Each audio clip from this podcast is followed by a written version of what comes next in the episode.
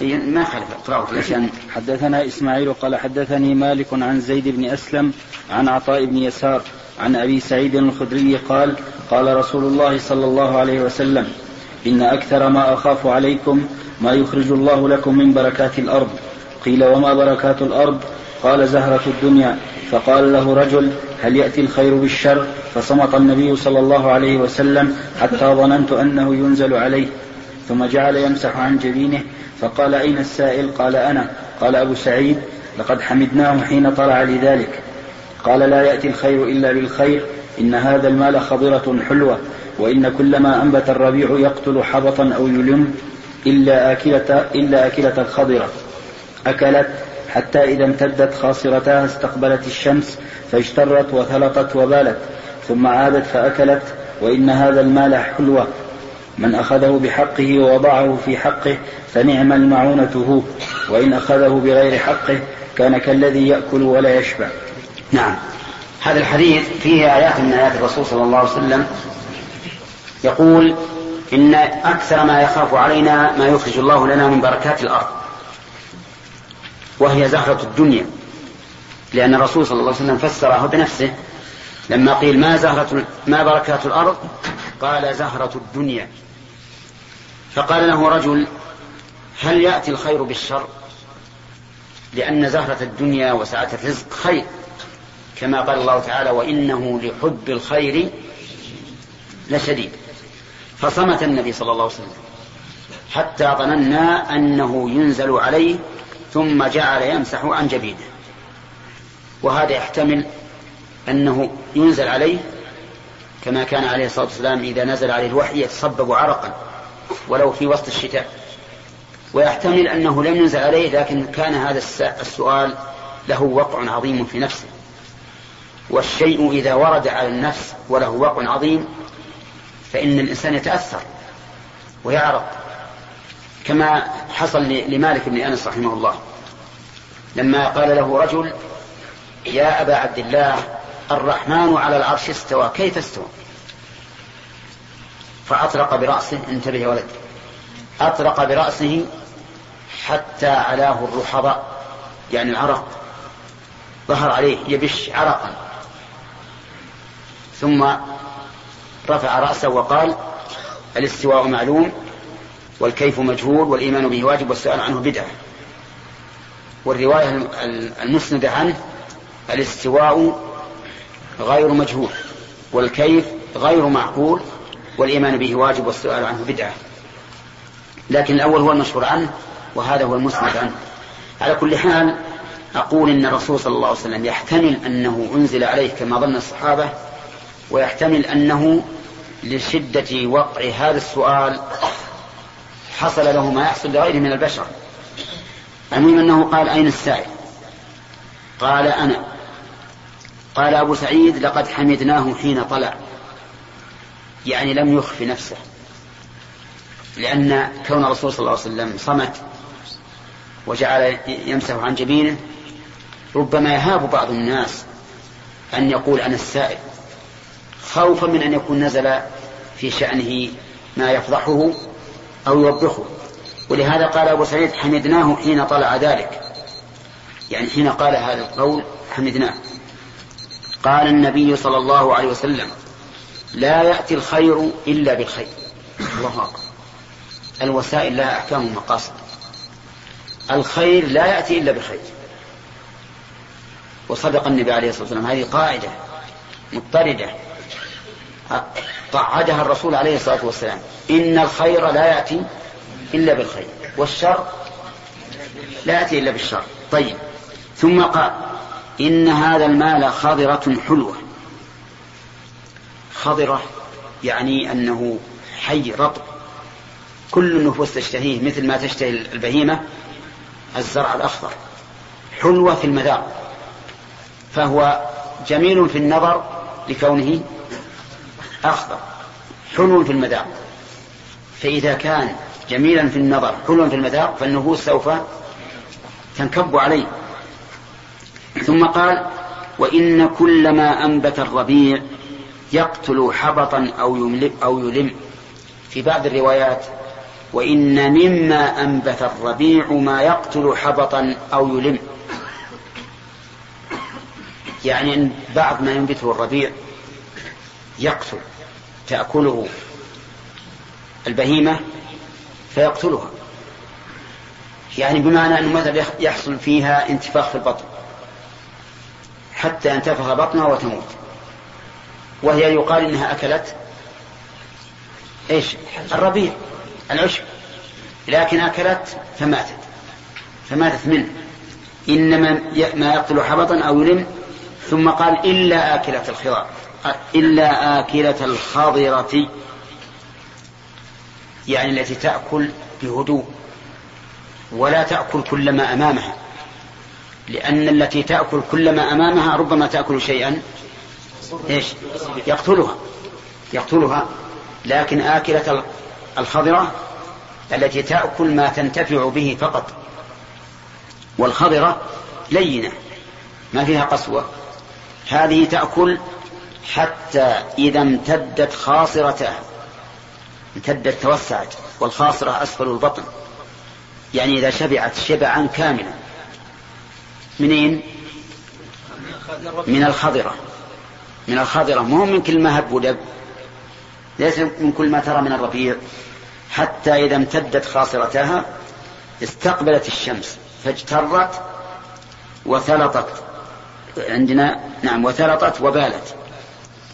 هذه لما أن شبعت امتدت خاصرتها من الشبع خرجت إلى الشمس استقبلت الشمس. ثم اجترت وأنتم تشاهدون البهائم تجتر.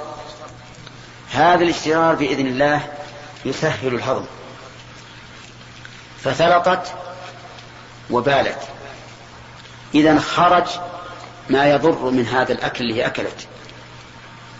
بماذا؟ بالبول والسلط. وش بقي الآن؟ بقي النافع. جسمها خلى من من من الخضرة. تعود. ولهذا قال ثم عادت فأكلت. وهلم جرا تأخذ باحتياط ولا تأكل إلا ما ينفع. ثم ترمي البقية التي ليس فيها نفع ثم تعود فتأكل. فصارت تنتفع انتفاعا تاما بالربيع. أما الثانية التي تأكل كل ما رأت فإن مما تأكل ما ها؟ ما يقتل. حبطا أو يلم أي يقارب أن يقتل. يقول عليه الصلاة والسلام وإن هذا المال حلوة. اللهم صل وسلم عليه. حلوة يعني وخضرة لكن ربما إن الراوي نسي أو تكون في رواية أخرى لأن في أول الحديث يقول إن هذا المال خضرة حلوة. من أخذه بحقه. ووضعه في حقه فنعم المعونة هو. الله أكبر. المال مصدر ومورد. مصدر ومورد. لا بد أن يكون مصدره بحق ومورده بحق. إن أخذته بغير حق لم ينفعك ولو صرفته في حق. إن أخذته بغير حق لم ينفعك ولو صرفته في حق. وإن أخذته بحق وصرفته في غير حق. نعم؟ لم ينفعك طيب. وإن أخذته بباطل وصرفته في باطل. صار أضر وأشد. وإن أخذته بحقه ووضعته في حقه صار خيرا. صار خيرا.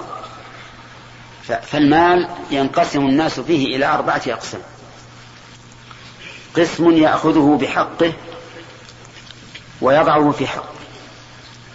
وقسم يأخذه بباطل ويضعه في باطل. وقسم يأخذه بباطل ويضعه في حق.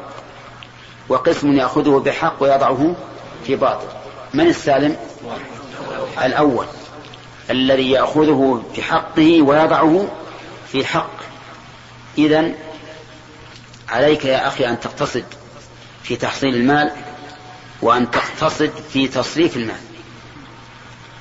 فإذا قدرنا أن شخصا من الناس أخذ المال بحق ولنقل إنه موظف يؤدي الوظيفة كاملة ولا ينقصها لا من الساعات ولا من العمل فأخذ المال. هذا أخذ بحق. لكن صار يصرفه في باطل في أمور محرمة. يصرفه في أمور محرمة. ربما يصرفه في غير أمور محرمة لكن يسرف في الإنفاق. نقول هذا أخذه بحق ووضعه في غير حق. وينقص من الحق بقدر ما نقص يعني جزاء وفاق. إذا لابد أن, أن الإنسان يرتب أموره في المال تحصيلا وتصريفا وتمويلا. وبهذا نعرف أن من أعطي فوائد ربوية وأخذها فإنها لا تنفعه ليش؟ لأنه أخذها بغير حق. أخذها بغير حق. والربا كما تعرفون أمره عظيم. فإذا أخذ فوائد ربوية ولو وضعها في صدقات أو في إصلاح مساجد أو في إصلاح طرق فإنها لا تنفعه بل يكون قد عصى الله عز وجل في أخذها وإذا قدر أنه تخلص منها بإنفاقها في مشاريع عامة صار كالذي يتلوث بالنجاسة ثم يحاول أن يطهر يده منها. إنسان قام يخبط بالعذرة بيديه ثم قال الناس؟ تلوثت يدي بالعذرة. وش نقول له؟ اغسل لكن خير من ذلك أن نقول لا تأتي العذرة أصلا. لا تأتيها أصلا. ليش أنك تأخذها؟ وهذا ضيع وقت وفي أيضا مفاسد كثيرة تترتب عليه. منها أن من رآه يأخذ سوف يقول هذا حلال أخذ فلان وأخذ فلان. ولا يعلمون أنه يصرفه في أمور أخرى. على كل حال ليس هذا موضع بس هذه المسألة لأنها ربما تأتينا إن شاء الله في وقت آخر. لكن قصدي أن الإنسان الذي يأخذ المال بغير حق لا ينفعه إذا صرفه بحق. لأن الرسول صلى الله عليه وسلم إنما أثنى عليه في من أخذه بحقه ووضعه في حقه.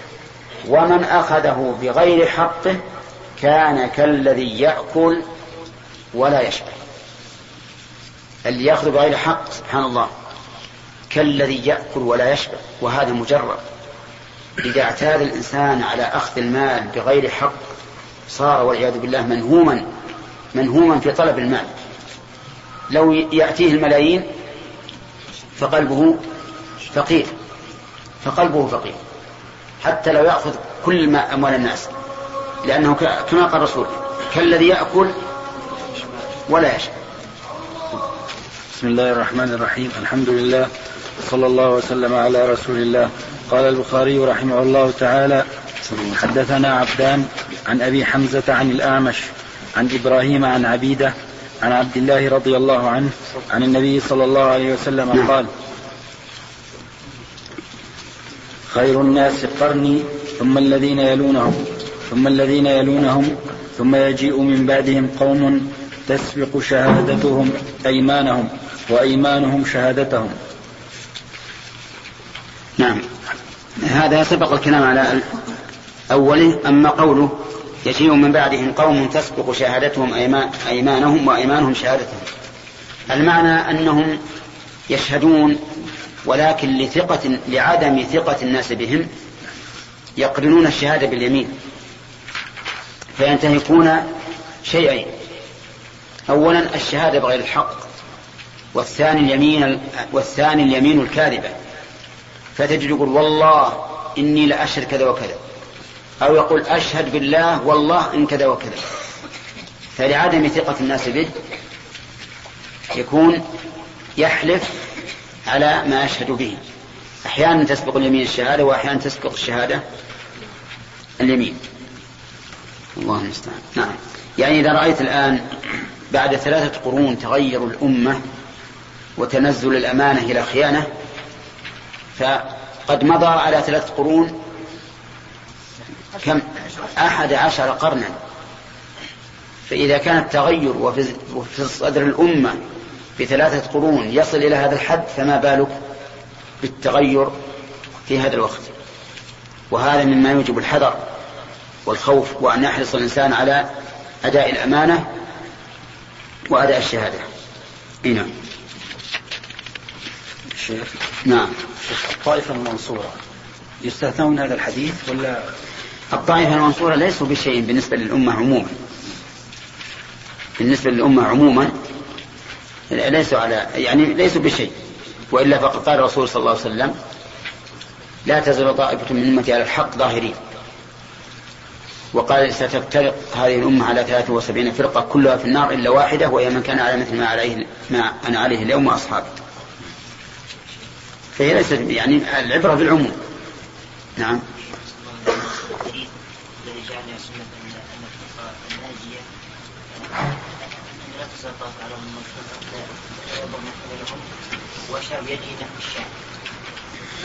لا لا هذه الزيادة بعضهم أنكرها. إيه بعضهم أنكرها وأنا صح والصحيح أنها ما ليست مخصوصة بأرض. نعم. شيخ قول النبي صلى الله عليه وسلم خير الناس من يأتي بالشهادة قبل أن يسألها. نعم. ألا أنبئكم بخير الشهداء الذي يأتي بالشهادة قبل أن يسألها هذا يكون عنده شهادة. أما الأحاديث اللي معنا يراد بهم شهداء الزور الذين يشهدون ولا يستشهدون.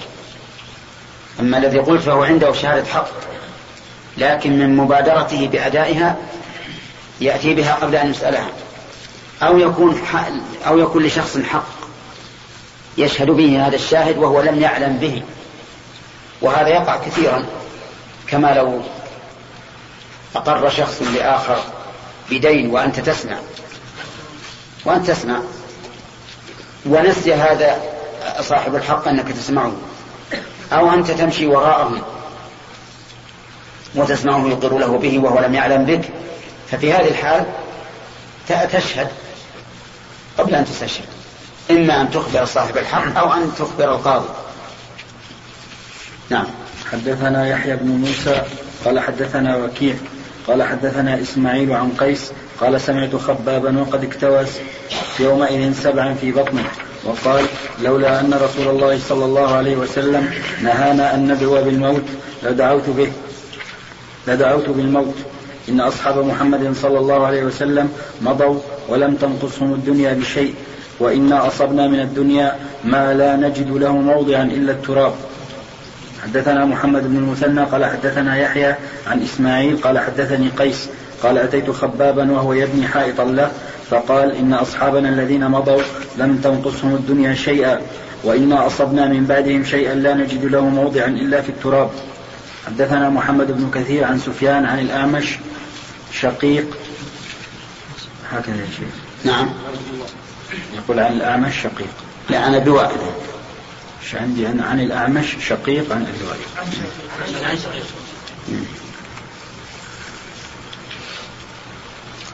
كيف يعني ساقط عندنا الراوي هذا؟ لا يا شيخ عن لازم تسبق ها؟ عن عن شقيق أبي وائل. عن شقيق أبي وائل. طيب أنا ما عندي عن شقيق. ولا ولا عندي شقيق وحدها أيضا. شو اصله عن سفيان عن الاعمش عن أبي وائل لكن في الشافعي عن سفيان بن عيينة عن الاعمش سليمان عن أبي وائل شقيق بن سليمان. إيه. صار صار الأصل ما في الشقيق. هنا. عن الأعمش عن أبي وائل عن خباب رضي الله عنه قال هاجرنا مع رسول الله صلى الله عليه وسلم. الحديث. هذا أيضا فيه الحذر من الدنيا والانشغال بها كما فعل خباب رضي الله عنه. وفيه أن النبي صلى الله عليه وسلم نهى عن الدعاء بالموت بل قد نهى عن تمني الموت وإن لم يدعو به الإنسان لضر نزل به. وأما قوله صلى الله عليه وسلم إن أردت بعبادك فتنة فاقبضني إليك غير مفتون فالمعنى أنه يسأل الله أن يقبضه قبل أن يفتن لا أن يعجل بقبضه ومنه أيضا قول مريم يا ليتني مت قبل هذا وكنت نفسا منسيا. لم تدعو على نفسها بتعجيل الموت ولكنها تمنت أنها لم يحصل لها هذا الشيء قبل موتها. مثل ما يقول القائل ليتني مت ولم أشاهد هذا الشيء. ليس المعنى تعجيل الموت ولكن المعنى أنه يحب أنه مات سالما منه. وكذلك قوله قوله يوسف أنت ولي في الدنيا والآخرة توفني مسلما. هذا دعاء بأن الله يتوفاه عن الإسلام. نعم. شاكر. عن هذا هل يجوز لواحد مثلا يقول اللهم توفني قبل أن تجعلني محتاجا لأحد من الناس؟ إي نعم. لا بأس. حتى في الدنيا. لأن المعنى اللهم اغنني عن الخلق حتى أموت. نعم. نعم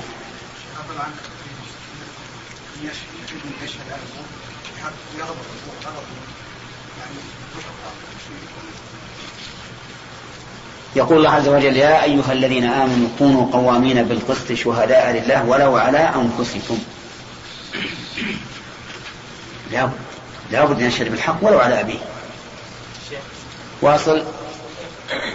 يعني على هذا يجوز للإنسان إذا رأى فتنا وخشي على نفسه أن أن يقول اقبضني إليك غير مفتون. هنا فيه تمني للموت لا. اقبضني غير مفتون يعني ولو بقيت في هذه الفتن ولهذا قال الرسول صلى الله عليه والسلام إنما السعيد من وقي الفتن ومن. ومن ابتلي فصبر فواهن نعم باب قول الله تعالى يا أيها الناس إن وعد الله حق. فلا فلا تغرنكم الحياة الدنيا ولا يغرنكم بالله الغرور. إن الشيطان لكم عدو فاتخذوه عدوا. إنما يدعو حزبه ليكونوا من أصحاب السعير. الله جمعه السعر قال مجاهد الغرور الشيطان. نعم قال الله عز وجل يا أيها الناس إن وعد الله حق. هذا التوجيه لعموم الناس حتى الكافر. يدخل فيه هذا التوجيه من الله. لأن الدنيا تغر الكافر وتغر المؤمن. وقوله إن وعد الله حق يشمل وعده ووعيده. وعده لأهل العمل الصالح بالثواب الجزيل وبالجنة ووعيده لأهل العمل السيء بالعقوبة والنار. وقول حق يعني ثابتا. ثابتا واقعا لا بد منه.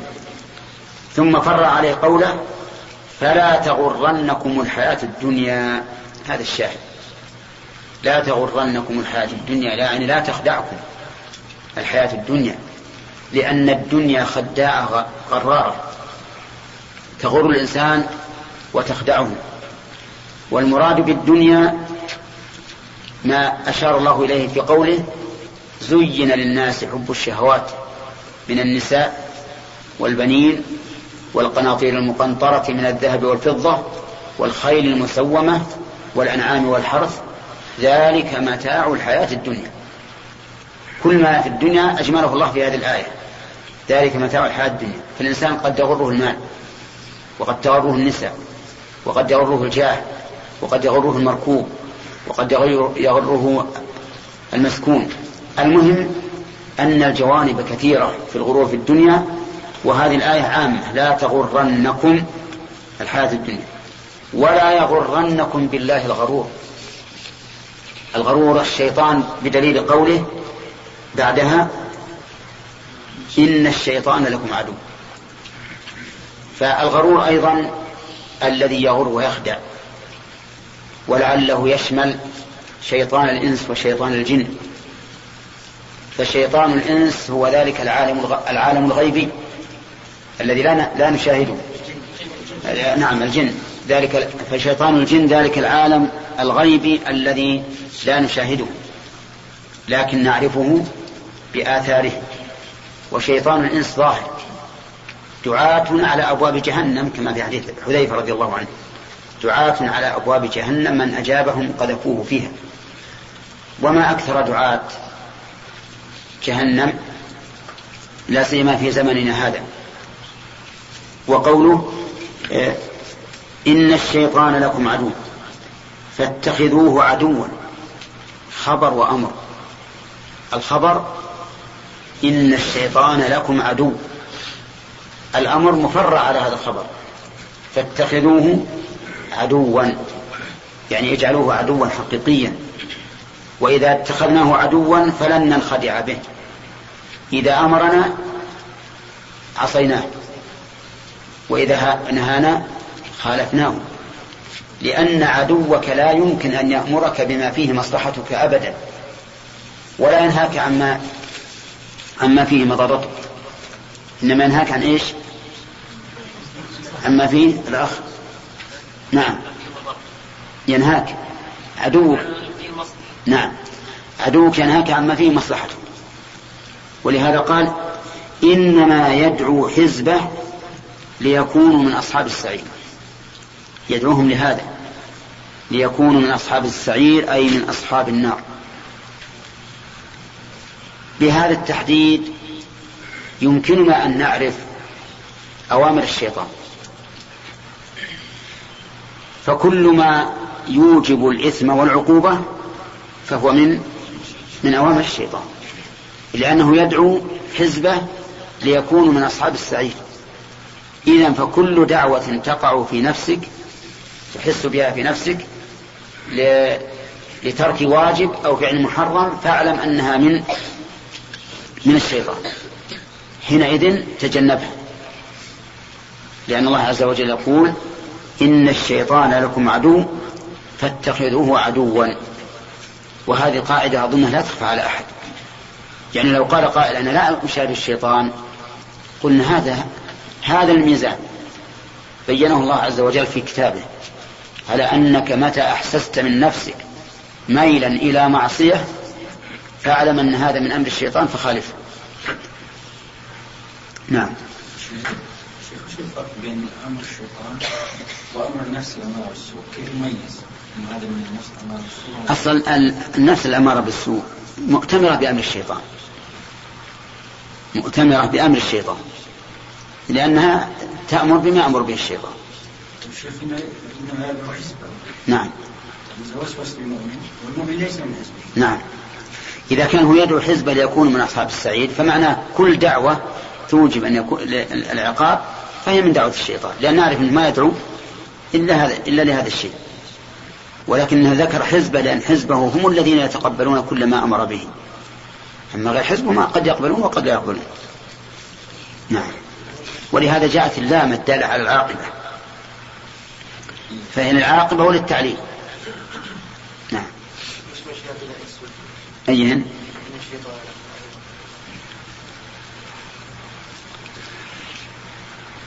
ما يستبعد أن يشمل الأمرين ما يستبعد. نعم. السعير بمعنى المسعورة أو, أو الساعرة.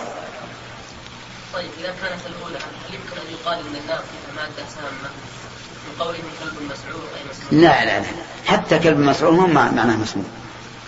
مسعور ال- ال- ال- ال- الذي يكون ضا- ضاري يعني يحب ال- الاعتداء. حدثنا سعد بن حرب خلنا ثلاث أسئلة. ما نعم. قال حدثنا شيبان عن يحيى عن محمد بن إبراهيم القرشي. قال أخبرني معاذ بن عبد الرحمن أن ثم الحزب الحزب قد يكون حزبا تاما. إنما له حزبة. قد يكون حزبا تاما وقد يكون حزب باعتبار موافقته في بعض الشيء. فيكون مثلا إذا إذا ساعدت إنسان في في في مسألة من المسائل وإن لم تساعده في كل أموره فأنت حزب له في هذه المسألة. نعم. أن أبانا أخبره قال أتيت عثمان بن عفان بطاهور وهو جالس على المقاعد فتوضأ فأحسن الوضوء. ثم قال رأيت النبي صلى الله عليه وسلم توضأ وهو في هذا المجلس فأحسن الوضوء. ثم قال من توضأ مثل هذا الوضوء؟ ثم أتى المسجد فركع ركعتين ثم جلس غفر له ما تقدم من ذنبه. قال وقال النبي صلى الله عليه وسلم لا تغتروا. صلى الله عليه وسلم. الشاهد قوله لا تغتروا يعني لا تغتروا بالشيطان وبالحياة الدنيا وغير ذلك. وهنا آه، في كلمة مفتوحة مرة ومضمومة مرة. طهور وطهور. ووضوء ووضوء الفرق بينهما يقولون إن الوضوء والطهور بالضم هو الفعل. هو الفعل.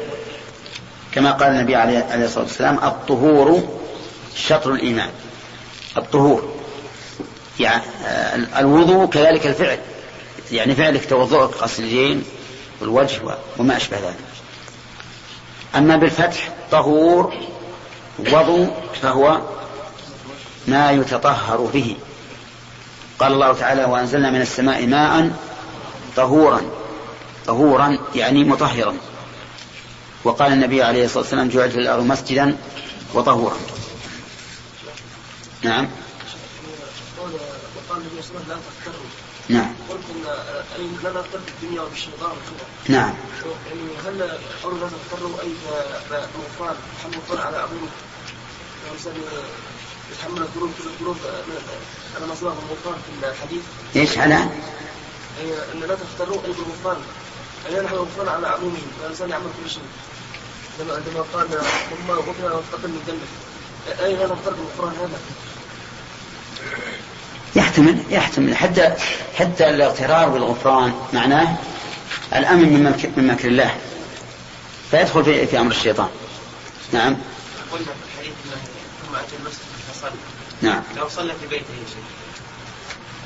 الحديث الآخر عام. من توضأ نحو وضوء هذا ثم صلى ركعتين لا يحدث فيهما نفسه. نعم.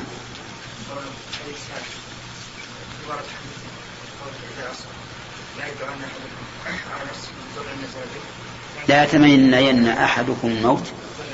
نعم. فإن كان لا محالة أو لا بد. نعم.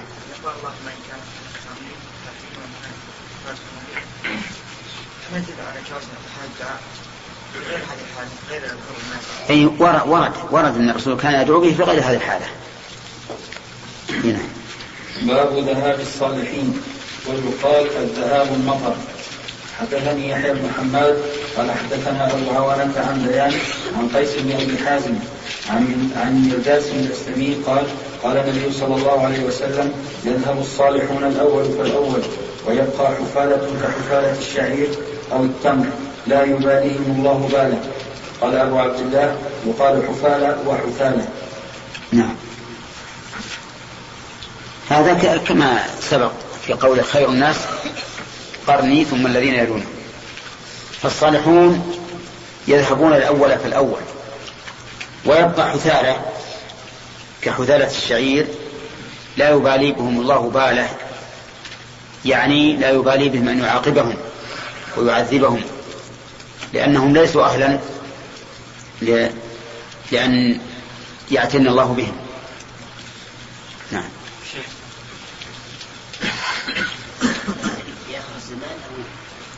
الحديث عام. الصالحون الأول فالأول مثل قول خير الناس قرني ها؟ نعم. الص... الله أعلم. ربما نقول إحنا بن- بالنسبة للأمة عامة الأمة الآن كم من المسلمين؟ ها؟ أظنهم ألف مليون. ها؟ طيب. إذا كانوا ألف مليون وش نسبة الصالحين فيهم ولا شيء. فإذا نظرنا للعموم وجدنا أن الموجود أن الموجودين الآن حثالة. حتى الموجودين اللي يتمسكون بالإسلام الآن هل هم مطبقين الإسلام من كل وجه؟ أبدا ما طبقوا من كل وجه. لا بالنسبة لحكامهم ولا لشعوبهم.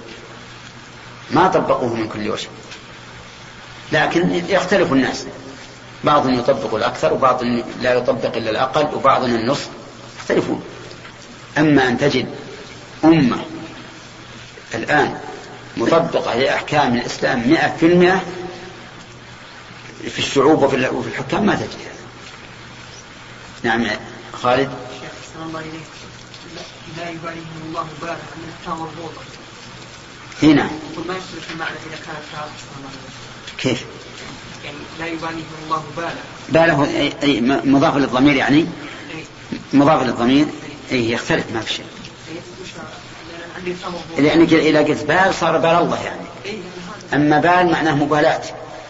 يعني ما يباليكم يعني يعني البال يعني مثل ما نقول الشأن أو الحال أو ما أشبه ذلك. نعم؟ ما نقول لله بال. نقول الله لا يبالي بهؤلاء مثلا. نعم.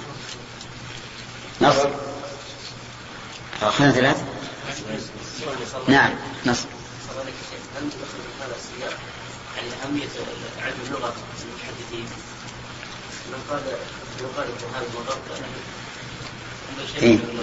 إيه هو ذكر الذهب المطر وقال أيضا حفالة وحثالة ما في شك أن أن أهل اللغة يعتنون. قصدي أن أهل الحديث يعتنون باللغة.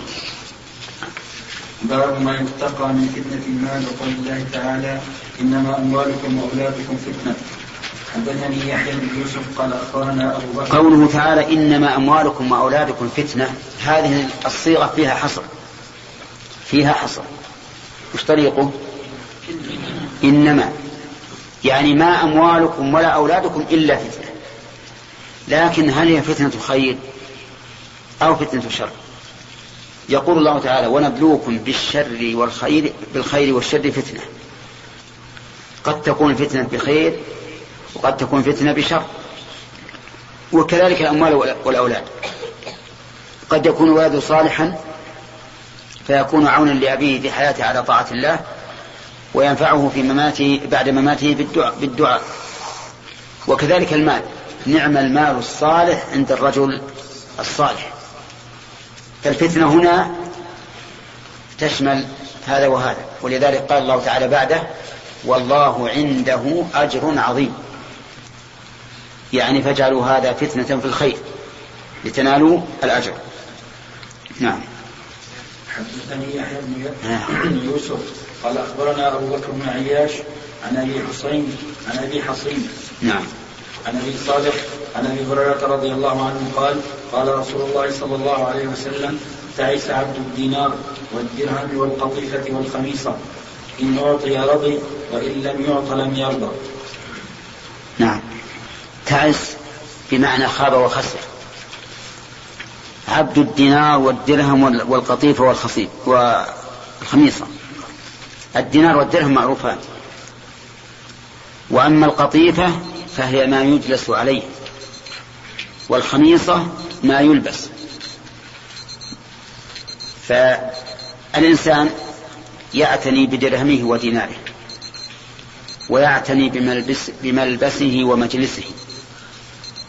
فمن الناس من يعتني بهذا الش... بهذه الش... بهذه الأشياء لتكون عونا له على طاعته ويظهر بها نعمة الله عليه. ومن الناس من يشتغل بها عن طاعة الله حتى يكون عبدا لها كأنما خلق لها. ليس له هم إلا تحصيل الدينار والدرهم والخميصة والقطيفة.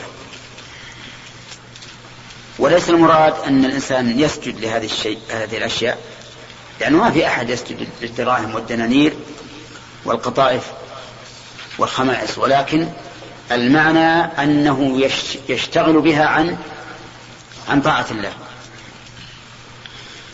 يقول إن أعطي رضي وإن لم يعط سخط. رضي على من؟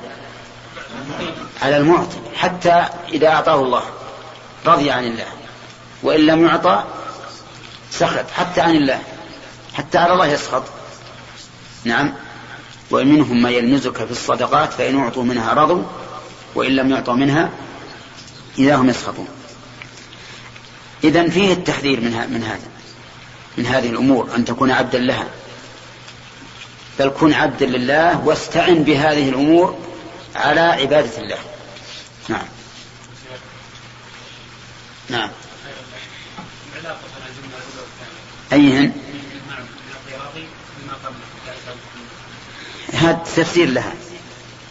تفسير لها. أو هذه من صفاته أنه إذا أعطي رضي وإن لم سخط نعم. رأيك في تأخير بعض الشباب للزواج ويقول خشية الافتتان بطلب العلم وعن والله أرى أن هذا خطأ. أرى أن الزواج لا يحول بين الإنسان وبين طلب العلم بل ربما يكون عونا له على طلب العلم. يتفرق كثيرا. صحيح أنه ربما يترتب عليه مسائل أخرى كالنفقات لكنه يتفرق من مسائل كثيرة.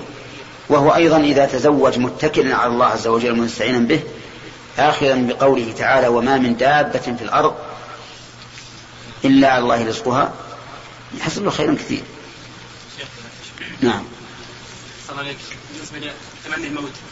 يعني ثبت عن الصحابة والسلف يعني أنهم كانوا يتمنون الموت. ويدعون بالموت قبل الدخول إلى القتال إذا كان في الجهاد. يعني فإذا الإنسان يعني قبل الدخول يعني دعا أنه يعيش. لا لا ما هو يتمنون يتمنون الشهادة. فرق بين هذا وهذا.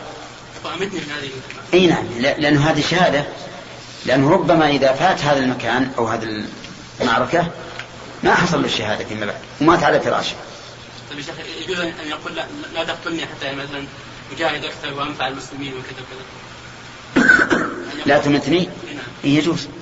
مثل ما قال سعد بن معاذ. اللهم لا تمتني لما أصيب في أكحله قال لا تمتني حتى تقر عيني بهؤلاء يعني حلفاءهم بين قريظة حدثنا أبو عاصم عن ابن جريج عن عطاء قال سمعت ابن عباس رضي الله عنهما يقول سمعت النبي صلى الله عليه وسلم يقول لو كان لابن آدم واديان من مال ابتغى ثالثا ولا يملأ جوف ابن آدم إلا التراب ويتوب الله على من تاب. الله حدثني محمد قال أخبرنا مخلد قال أخبرنا ابن جريج قال سمعت عطاء يقول سمعت ابن عباس يقول سمعت رسول الله صلى الله عليه وسلم يقول لو أن لابن آدم من اواد مالا لاحب أن له إليه مثله. ولا يملا عين ابن آدم إلا التراب ويتوب الله على من تاب. قال ابن عباس فلا أدري من القرآن هو أم لا. قال وسمعت ابن الزبير يقول ذلك على المنبر. الله أكبر. نعم صدق الرسول عليه الصلاة والسلام.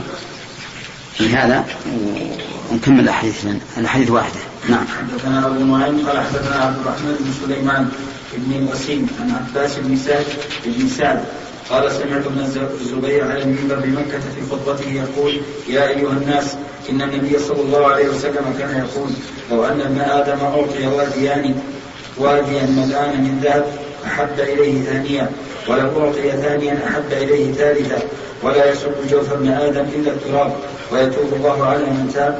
حدثنا عبد العزيز بن عبد الله قال حدثنا إبراهيم بن سعد عن صالح عن ابن شهاب قال أخبرني أنس بن مالك أن رسول الله صلى الله عليه وسلم قال لو أن لابن آدم واديا من ذهب أحب أن يكون له واديان ولم يملأ فاه إلا التراب ويتوب الله على من تاب. وقال لنا أبو الوليد حدثنا حماد بن سلمة عن ثابت عن أنس عن أبي قال كنا نرى هذا من القرآن حتى نزلت ألهاكم التكاثر. نعم. هذه الأحاديث كلها معناها واحد وهو أن الإنسان لا ينتهي له طمع في المال لو كان له واديان من, من ذهب لابتغى لهما ثالثا. ولو كان له ثلاثة لابتغى رابعا وهكذا. ولا يملأ بطنه إلا التراب. يعني إلا أن يموت فيدفن في التراب, في التراب. وليس المعنى أنه يملأ بطن التراب يأكل التراب حتى يشبع. لا المعنى أنه لا يملأ بطنه إلا أن يموت فيكون فيدفن في التراب. وقال ويتوب الله على من تاب. هذا ترشيح لما سبق. يعني بمعنى أن الإنسان وإن كان عنده جشع وطمع فإنه إن أخطأ في ذلك وتاب تاب الله عليه. وأما قولك كنا نرى أو نرى هذا من القرآن حتى نزلت لهاكم فهذا ظن من الصحابة الذين سمعوا هذا القول أنه من القرآن ولكنه ليس من القرآن. لأنه لو كان من القرآن لبقي. لقول الله تعالى إنا نحن نزلنا الذكر وإنا له لحافظون. رحمه الله تعالى باب قول النبي صلى الله عليه وسلم هذا المال خضرة حلوة. وقوله تعالى زين للناس حب الشهوات من النساء والبنين والقناطير المقنطرة من الذهب والفضة والخيل المسومة والأنعام والحرث. ذلك متاع الحياة الدنيا. قال عمر اللهم إنا لا نستطيع إلا أن نفرح بما زينته لنا. اللهم إني أسألك أن أنفقه في حقه. الله يقول المؤلف باب قول النبي صلى الله عليه وسلم هذا المال خضرة حلوة وقد سبق هذا في حديث متصل. قال وقال الله تعالى زين الناس حب الشهوات من النساء والبنين والقناطير المقنطرة. زين المزين هو الله عز وجل. ولكن أحيانا يذكر الله الفعل الذي يكون منه عز وجل على سبيل المبني لما لم يسمى فاعله كراهة لنسبته إلى الله عز وجل. ومن ذلك قول الجن وأنا لا ندري أشر أريد بمن في الأرض أم أراد بهم ربهم رشدا. لما ذكروا الشر قالوا أريد مع أن الله هو الذي يريده. ولما ذكروا الخير الرشد قال أم أراد بهم ربهم. من النساء يعني الزوجات والبنين معروف.